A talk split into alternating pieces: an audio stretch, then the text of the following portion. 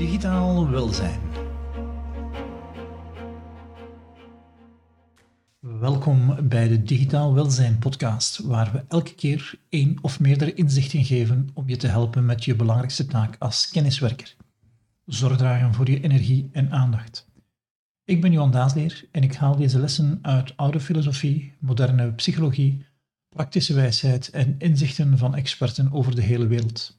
Ik hoop dat dit helpt. De Daily Stoic, 8 december. Don't hide from your feelings. It's better to conquer grief than to deceive it. Seneca on Consolation to Helvia, 17.1b. Verberg je niet voor je gevoelens. Het is beter verdriet te overwinnen dan het bedriegen. Sociale media is een geweldige tool om je gevoel te ontlopen en te laten veranderen door een ander gevoel. Een van de redenen waarom het denk ik zo'n grote aantrekkingskracht heeft. Het is een vorm van escapisme. Escapisme is de neiging of gewoonte om de zorgen van het alledaagse leven en de daarbij horende verplichtingen te vergeten. Een escapist trekt zich terug in een andere wereld. De digitale wereld is zo'n wereld. Maar de zondag naar de voetbal is ook een vorm van escapisme. En het is niet negatief of het is niet positief.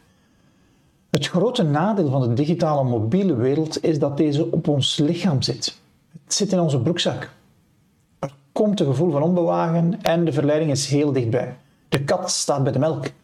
Seneca gebruikte zijn uitspraking over verdriet, maar het geldt voor alle gevoelens. Gevoelens zijn een vorm van feedback. Gevoelens is informatie. Het is een trigger om in bepaalde actie te komen. Ik maak me vooral zorgen over verveling. Verveling heeft een grote hit gekregen. We hoeven ons niet meer te vervelen. Verveling steekt de kop op en we kunnen wegvluchten in dat scherm. Wegvluchten in het consumeren van informatie, informatie die ons in een bepaalde richting zal, wil duwen.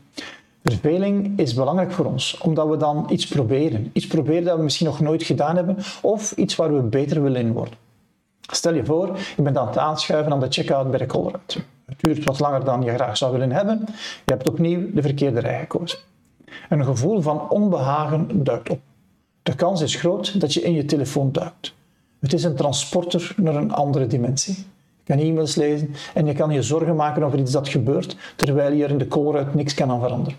Of je raakt in sociale media waar er een verhitte discussie is over X. Je ziet op Instagram een aantal mensen hun beste leven leiden terwijl jij in de koolruit staat aan te schuiven. Maar wat als je dat moment van verveling onbehagen laat gebeuren? Wat zit er aan de andere kant? Wat levert het op? De kans is groot dat je jezelf een beetje beter zal leren kennen. Wanneer je de externe info beperkt, zal je brein automatisch interne informatie luider maken. Ja, dat voelt misschien aan als onaangenaam. Maar het is niet doordat we het onaangename vervangen door iets anders dat het onaangename weg is. Misschien wel wanneer die context weg is. Het wachten leidt tot verveling. Ah, ik niet meer aan het wachten, de verveling is weg. Maar hoe kan je die verveling gebruiken om iets toe te voegen in plaats van iets te consumeren? Wat we negeren komt terug. Feedback heeft de neiging om luider te worden tot het probleem echt is opgelost totdat het kernprobleem aangepakt wordt. Wat vertelt het verdrietje? Zijn er zaken waar je spijt van hebt? Zijn er zaken die uitgesproken zijn? Ga je de overledenen missen? Geef aandacht aan het verdriet om uit te vissen wat er speelt. Ik miste mijn opa heel hard, tot ik een inzicht kreeg dat ik in mijn hoofd met mijn opa kan babbelen. Hoe weet ik of hij dat zo gezegd zou hebben? Niet natuurlijk. Maar ik ben er ook zeker van dat ik niet altijd gehoord heb wat hij wou zeggen. De lessen die ik van hem kreeg zijn pas jaren later duidelijk geworden. En nog weet ik niet of hij dat wel bedoelde. Verveling is een gebrek aan aandacht. Ik hoorde die quote van Sam Harris. Sam Harris is de man die erin slaagde om mijn meditatiepraktijk consistenter te maken. Ironisch genoeg via zijn app Waking Up. Verveling, een gebrek aan aandacht. Maar kijk naar kinderen. Ze vervelen zich en wanneer er geen tablet of smartphone in de buurt is, zullen ze na wat en zagen een manier vinden om iets, in iets gezogen te worden. Hun volledige aandacht aan iets te geven en in een soort flow terecht te komen.